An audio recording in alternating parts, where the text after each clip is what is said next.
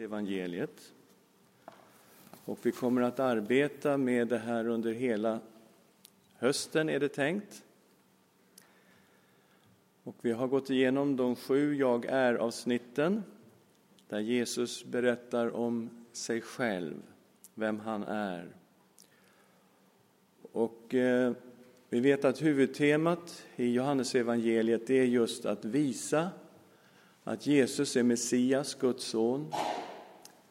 Och vad kan det då innebära när han talar om sig själv? Och vi såg att han presenterade sig själv som jag är livets bröd, jag är världens ljus, jag är dörren, jag är den gode herden, jag är uppståndelsen och livet, jag är vägen, sanningen och livet, jag är den sanna vinstocken. Vi utgick ifrån den nyckelvers som finns i brevet som visar, eller i evangeliet som visar varför evangeliet är skrivet. Det är kapitel 20, vers 30-31. Många andra tecken som inte är nedskrivna i denna bok gjorde Jesus och sina lärjungars åsyn. Men dessa har blivit nedskrivna för att ni ska tro att Jesus är Messias, Guds son, och för att ni genom tron ska ha liv i hans namn. Och vi ser att relationen till Jesus är baserad på en trosrelation. Och genom att tro på Jesus har vi liv i hans namn. Och vi ställde oss frågan, vad kan det här innebära? Att ha liv i hans namn genom att tro. Och därför så gick vi igenom alla ställen i Johannesevangeliet förra gången som eh, är kopplade till Jesus och tron på Jesus och vilka löften som är givna i samband med att tro på Jesus i Johannesevangeliet. Och vi såg att Jesus gav rätten att bli Guds barn åt alla som tror på honom. Den som tror på Jesus har evigt liv en desperat pappa trodde Jesu ord och hans son helades. Den som hör Jesu ord och tror på Fadern har övergått från döden till livet. Den som tror på Jesus får sin inre hunger mättad. Jesus ska låta den troende uppstå på den sista dagen. Den som tror på Jesus har evigt liv. I den som tror på Jesus ska det flyta strömmar av levande vatten. Och vi såg att det handlade om Guds ande. Den som tror att Jesus är jag är slipper dö i sin synd. Genom tron öppnar Jesus våra blinda ögon så att vi kan se honom. Jesus ger evigt liv till sina troende efterföljare. Jesus är uppståndelsen och livet, den som tror på honom skall aldrig dö. Den som tror på Jesus blir ljusets barn. Den som tror på Jesus tror på Gud. Den som ser Jesus ser Gud. Den som tror på Fadern och Sonen har en plats i Faderns hus. Löfte om bönesvar och stora gärningar åt den som tror på Jesus. Salig är den som tror på den uppståndne Jesus utan att ha mött honom. Och det sista då som är just själva temat i evangeliet, den som tror på Jesus som Messias, Guds son, har liv i hans namn. Och vi ska fortsätta lite grann på just det här temat med relationen till Gud. Den kristna tron handlar ju väldigt mycket om en relation med Gud. Man brukar ibland säga att den kristna tron är ingen religion på det sättet. Utan hjärtat i den kristna tron, det är ju gemenskapen med Gud och relationen med Gud genom Jesus Kristus. Och det är det som så att säga är kännetecknande för den kristna tron. Och eh, det finns ett, ett begrepp som kommer in i Johannesevangeliet som är speciellt och som utvecklas genom evangeliet och det är detta med att känna Gud. Alltså att ha den här nära relationen med Gud. Hur kan man lära känna Gud? Det är alltså en viktig frågeställning i Johannesevangeliet. Och det förstår man att den, att den är jätteviktig för att den frågeställningen är definitionen av evigt liv. Jesus säger i sin bön i Johannes 17, vers 3. Detta är evigt liv, att de känner dig, den enda sanne guden och den som du har sänt, Jesus Kristus. Så evigt liv som Jesus kom för att skänka alla som tror på honom, det är att känna Gud, att ha gemenskap med Gud och känna honom på ett väldigt personligt sätt. Och vi ska titta på det här med att känna Gud, hur det lyfts fram i Johannes evangeliet, för det är, det är speciellt. Det första vi ser är att judarna, de kände inte Gud. Så det räckte inte med att man trodde på Gud, trodde att han fanns. Det räckte inte med att man tillbad Gud. Vi vet att fariseerna tillbad ju Gud tre gånger varje dag. Så det räckte inte för att känna Gud att man trodde på Gud och tillbad Gud. Och då blir det lite speciellt, det förstår vi på en gång, att det inte räcker med det då, utan det är någonting annat som gör att människan kan få en personlig gemenskap med Gud. Vi tittar i femtonde kapitlet.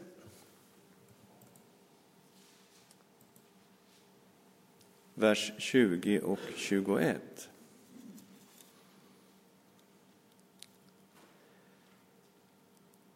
Kom ihåg vad jag har sagt, tjänaren är inte för mer än sin herre. Har de förföljt mig ska de också förfölja er. Har de bevarat mitt ord ska de också bevara ert ord.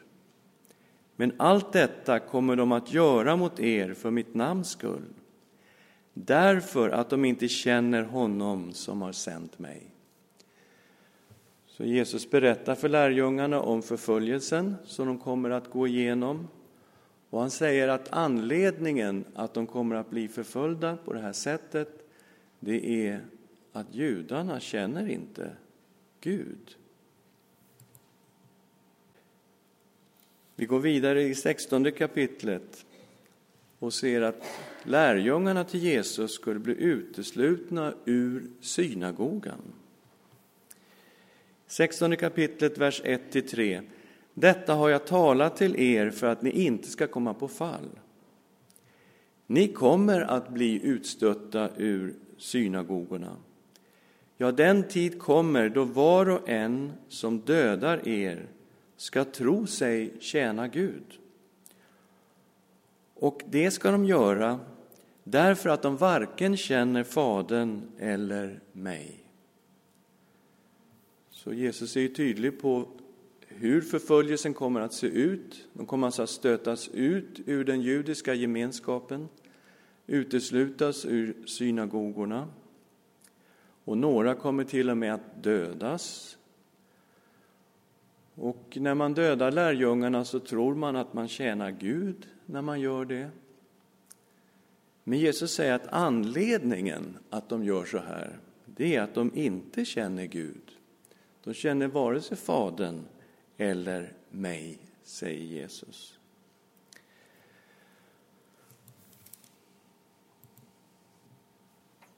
Och när man går lite djupare in i det här så kommer man till en mycket överraskande slutsats eh, och en ganska obekväm slutsats i, i dagens Sverige. Att enbart Jesus kände Gud. I Johannes 7, 28 och 29 ser vi att judarna kände inte Gud, det var bara Jesus som kände Gud. Kapitel 7, vers 28. Då sa Jesus med hög röst där han undervisade på tempelplatsen. Ja, mig känner ni och vet varifrån jag är. Men jag har inte kommit av mig själv, utan det finns en som har sänt mig, en som är trovärdig, och honom känner inte ni. Jag känner honom eftersom jag är av honom och han har sänt mig. Okej, okay, så Jesus talar här till judarna och säger ni känner inte Gud, ni känner inte Fadern. Jag känner honom. Enbart Jesus kände Fadern. Kapitel 8 och vers 54. Och vi är mitt inne i en mycket intensiv diskussion mellan Jesus och judarna. Och Jesus svarade Om jag ärar mig själv är min ära ingenting värd. Det är min fader som ärar mig, han som ni kallar er Gud. Ni känner honom inte, men jag känner honom. Om jag sa att jag inte kände honom skulle jag vara en lögnare som ni, men jag känner honom och bevarar hans ord. Okej, okay, judarna trodde ju på Gud. De påstod att Gud var deras Gud. Men Jesus säger väldigt tydligt att den de trodde på och som de kallade för sin Gud, att de inte kände honom. Ni känner honom inte. Men jag känner honom, säger han. Och om jag sa att jag inte kände honom skulle jag vara en lögnare som ni, men jag känner honom och bevarar hans ord. Så bara Jesus kände Fadern. Och vi går till hans bön i det sjuttonde kapitlet. Och vi ser hur han ber i vers 25. Rättfärdige Fader, världen har inte lärt känna dig, men jag känner dig och det vet att du har sänt mig. Okay. Världen känner inte Gud. Det är bara Jesus som känner Gud.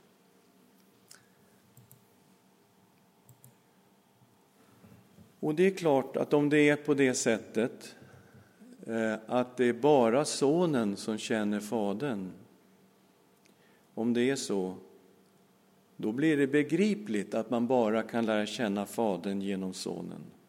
Men det är ju förutsättningen att det är bara Sonen som känner Fadern för att det ska vara nödvändigt att man bara kan lära känna Fadern genom Sonen.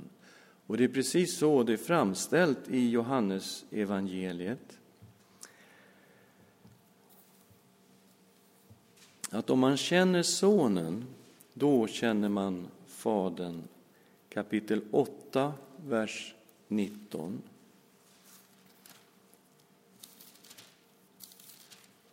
Då frågade de, var är din fader? Jesus svarade, ni känner varken mig eller min fader. Om ni kände mig skulle ni också känna min fader. Okej, okay, här kommer det igen. Ni känner inte Gud. Men om ni kände mig, då skulle ni känna min fader. Därför att det är på det viset det är, att man lär känna Fadern genom Sonen.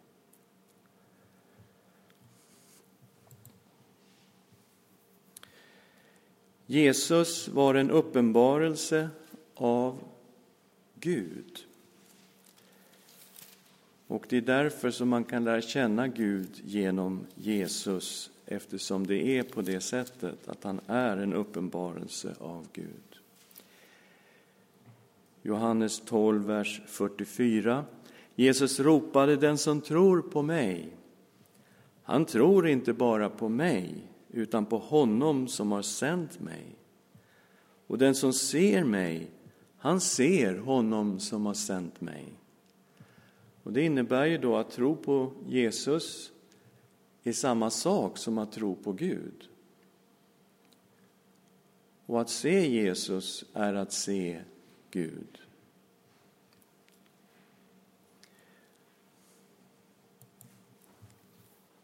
De mycket berömda verserna, Johannes 14, vers 6 och 7. Ingen kan komma till Fadern utom genom Sonen. Jesus sa till honom, jag är vägen, sanningen och livet. Ingen kommer till Fadern utom genom mig. Om ni har lärt känna mig ska ni också lära känna min fader. Härefter känner ni honom och har sett honom. Så det finns ingen annan väg till Fadern än genom Sonen. Det finns ingen människa som kan komma till Gud utom genom Jesus. Och den som känner Jesus, han känner Gud. Den som ser Jesus ser Gud. Den som tror på Jesus tror på Gud. Och eh, en mycket avgörande fråga i det här sammanhanget är ju hur viktigt det är att känna Gud. Det är alltså inte en känsla som vi talar om. Det är inte att man mår bra och blir glad. Det är inte på den nivån. Det är på en otroligt mycket djupare nivå. Det är alltså helt avgörande för det eviga livet om man känner Gud eller inte. Eftersom det här är definitionen av evigt liv som vi talar om. Johannes 17 och 3. Detta är evigt liv, att de känner dig, den ende sanne guden och den som du har sänt, Jesus Kristus. Så evigt liv är att känna Gud. Och du lär känna hans Fadern, du lär känna Gud genom hans son Jesus Kristus. Och man tänker, det här kanske är oerhört speciellt för Johannes. Okej, okay, det är utvecklat på ett väldigt djupt och tydligt sätt i Johannes, att man bara kan känna Fadern genom Sonen. Men faktum är att du hittar samma undervisning i Matteus kapitel 11. Den här underbara bönen som Jesus ber som vi förgäves väntar på att få höra i Husbykyrkan. Vi får höra den genom Guds ord. Jesu bön, Matteus 11, 25. Vilken bön! Vid den tiden sa Jesus, jag prisar dig, Fader, du himmelens och jordens Herre, för att du har dolt detta för de visa och kloka och uppenbarat det för de små. Ja, Fader, detta var din goda vilja. Så när hörde vi någon ställa sig upp i Husbykyrkan och prisa Gud för att han har dolt sanningen för den här gruppen människor? Är det en vanlig bön ibland oss? Jag tror inte det. Men Jesus prisar Fadern himmelens och jordens Herre, för att han har dolt detta för de visa och kloka. Va? Det är enastående. Och vilka var nu de visa och kloka? Det var ju fariseerna, det var skriftlärda, Det var prästerskapet, det var de som kunde Gamla testamentet framlänges och baklänges. De såg inte sanningen. Det var dolt för dem. De såg ju undren som han gjorde, men de såg inte egentligen vad som hände. De såg inte vem han var. De hörde hans predikningar, men de hörde i stort sett ingenting därför att de hörde inte Gud som talade genom Sonen. Men han prisar ju också Fadern för att han har uppenbarat detta för de små. Vanliga människor, sådana som du och jag, som kom till Jesus med ett öppet hjärta. Som sa Jesus, vi vill att du undervisar oss om Guds rike. Vi vill att du lär oss att be. Vi vill att du talar till oss, att du rör vid oss. För de människorna blev sanningen uppenbarad, de små. De fick klart för sig vem Jesus var. Därför att sanningen om Gud uppenbaras nämligen i Sonen. Så fortsätter vi i vers 27. Allt har min fader överlämnat åt mig och ingen känner Sonen utom Fadern. Inte heller känner någon Fadern utom Sonen och den som Sonen vill uppenbara honom för. Allt har Fadern lagt i Sonens hand. Och det finns ingen som känner Sonen utom Fadern. Det är bara Fadern som känner Sonen. Och han känner honom väldigt bra. Och ingen känner Fadern utom Sonen. Det är bara Sonen som känner Fadern. Men så finns det nu några fler som känner Fadern. Det är de som Sonen har uppenbarat honom för. Man lär sig känna Fadern genom hans son. Det är när man kommer till Sonen som man får möta Gud och lär känna Gud. För Sonen, han är en uppenbarelse av Gud. Så vem ska vi komma till om vi vill känna Gud och få sanningen klar för oss? att vi ska komma till Jesus. Så fortsätter det så självklart. Kom till mig. Alla ni som arbetar och bär på tunga bördor, så ska jag ge er vila. Ta på er mitt ok och lär av mig, ty jag är mild och ödmjuk i hjärtat. Då ska ni finna ro för era själar, ty mitt ok är milt och min börda är lätt. Vill du lära känna Gud? Kom till Jesus. Därför att det är i Jesus Kristus som vi får en personlig gemenskap med Gud. Och det är bara i Jesus Kristus som vi kan lära känna Gud. Det finns ingen annan väg till Fadern än genom Sonen. Ska vi be tillsammans? Tack, Herre, att du har kommit till världen och uppenbarat Fadern. Mer än så, du bar vår synd. Du gav ditt liv som ett offer för oss människor. Vi bekänner dig som den enda vägen till Gud, Jesus Kristus. Tack Herre att när vi kom till dig fick vi möta levande Gud. Våra synder blev förlåtna och vi fick ett evigt liv i gemenskap med dig. Tack, Herre. Du är vår frälsning, du är vårt liv, du är vårt hopp, du är vår rättfärdighet. Herre, du är vårt allt. Vi tackar dig och prisar dig i Jesu namn. Amen.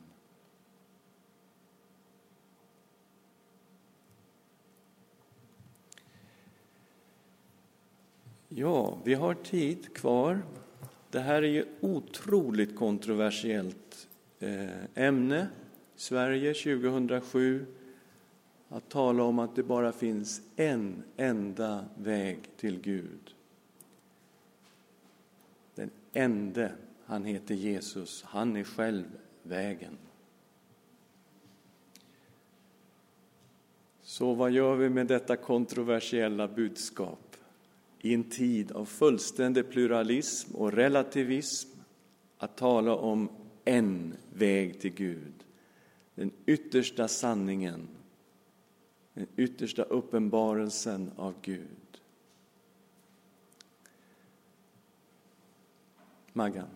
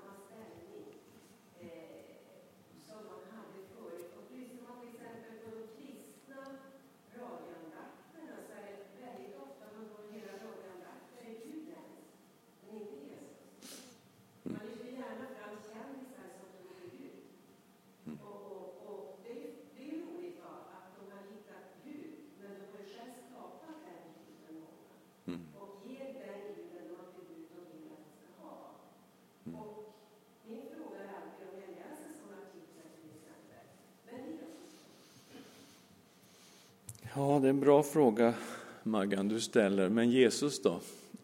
Det är alltså helt okej okay att tala om Gud i samhället. Men att tala om Jesus är allt mer kärvt och till och med i kristna sammanhang så tonas personen Jesus ner Om man talar om Gud som man mer då kan definiera själv och lägga in vilken definition man själv behagar i begreppet Gud. Ja, det är bra att du tar upp den frågan. Alltså frågan är om Gamla testamentets troende som Mose och Abraham, om de kände Gud eftersom Jesus ännu inte hade kommit.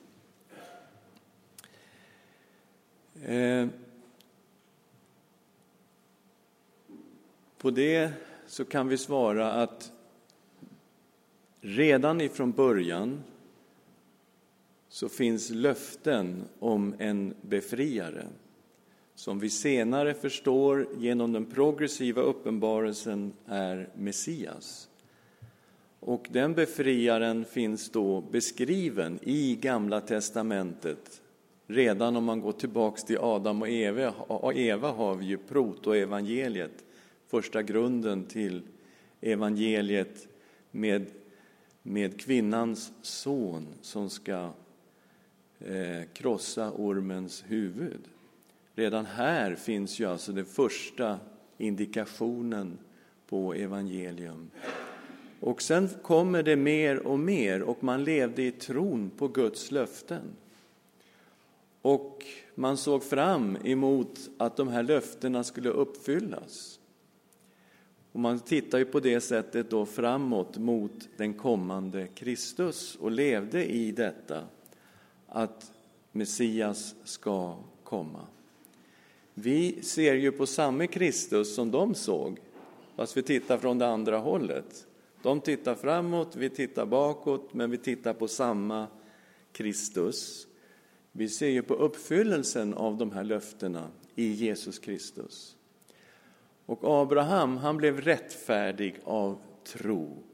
Men det var en tro på Guds löften. Och i löftena som Gud gav till Abraham fanns ju löftet om Messias. Vi ser ju uppfyllelsen av det. I dig ska alla släkten på jorden bli välsignade, lovade Gud Abraham. Det ska alltså komma någon från Abraham som skulle bli en frälsare för hela världen. Och de levde i de här löftena och levde i tro på Gud och var frälsta genom tron. Så har vi också i Johannes evangeliet just det här evangeliet, jag kommer fram till det senare, att eh, eh, Mose skrev om Jesus. Han säger, ty om mig har han skrivit, säger Jesus i det femte kapitlet i Johannes. Och ännu mer när vi ser uppenbarelsen som Jesaja hade i det sjätte kapitlet, där han har en uppenbarelse av Gud som sitter på tronen i templet. Så visar det sig i Johannes tolfte kapitel att Johannes säger att den han såg var Sonen. Så att vi talar om Jesus, så är hans preexistens väldigt tydlig i Johannes evangeliet att han är av evighet, att han fanns innan han föddes till världen, därför att han är Gud av evighet. Så det finns ju en, en hur ska man säga, uppenbarelser i Gamla testamentet och det finns profetiorna i Gamla testamentet. Och att leva i Guds löften av tro. Absolut. Och sen när vi kommer till Hebreerbrevet för att fylla i det här då, så har vi i, i Hebreerbrevet en tydlig eh, indikering eller vers på att Jesus offer är ett evigt offer. Att det också täckte överträdelserna under det förra förbundet, som Hebreerbrevet säger.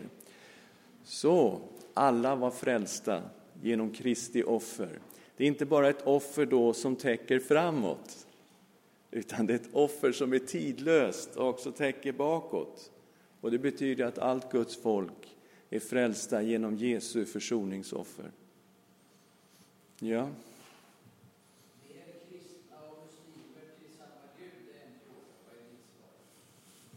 Oj. Ja, ja, det är ju ett komplicerat... Frågan är komplicerad. Och det är klart att man, eh, hur man än vrider och vänder på det så finner man en olikhet och en stor likhet. Där måste man ju börja. Det är en likhet och det är en olikhet.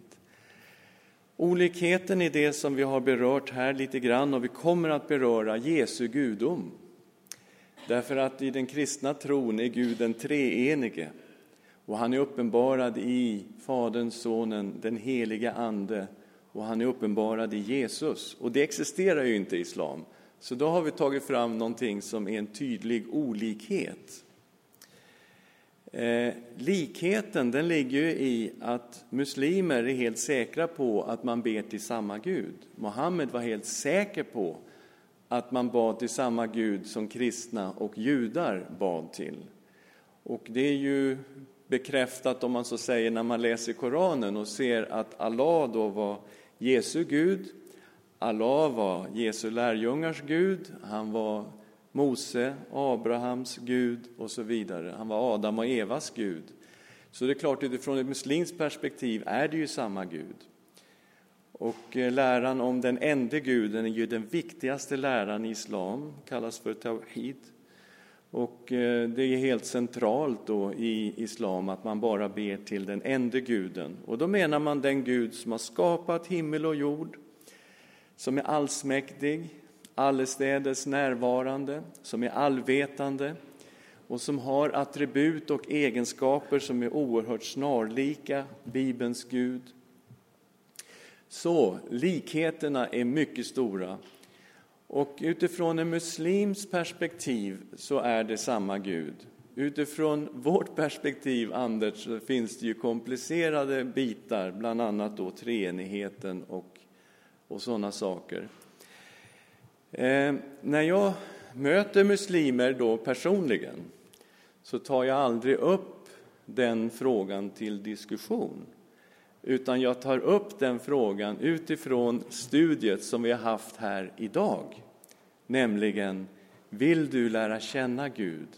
Det kan du få göra genom Jesus Kristus. Vill du möta Gud? Kom till Jesus.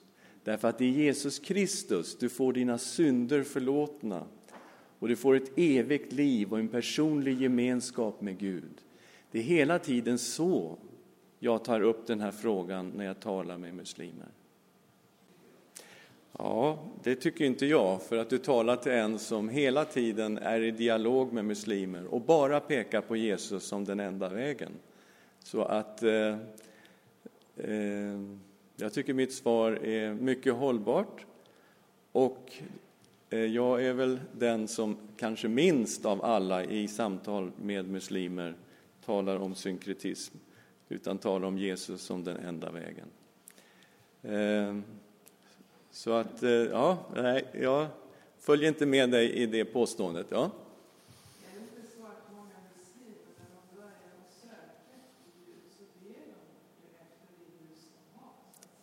Absolut. Absolut.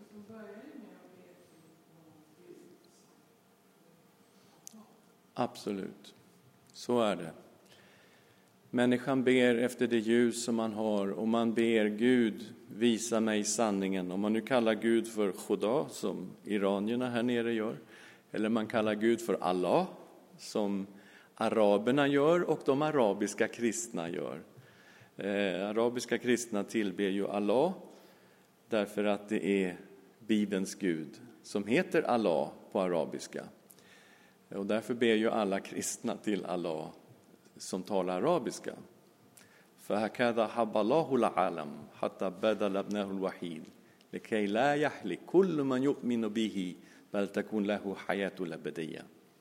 Ty så älskade Allah världen att han utgav sin enfödde son. Så står det ju i den arabiska bibeln. Så alla kristna araber tillber Allah som Bibelns Gud. Och den första översättningen vi överhuvudtaget känner till av Nya testamentet på arabiska, 800-talet, alltså efter islam, så använder man Allah som namnet på Bibelns Gud. Så de kristna araberna tillber Allah. Ja, det är ju hebreiska. Va? Och eh, i, i Bibeln, Gamla testamentliga ordet för Gud är El eller Elohim i hebreiskan och i grekiskan är det Theos.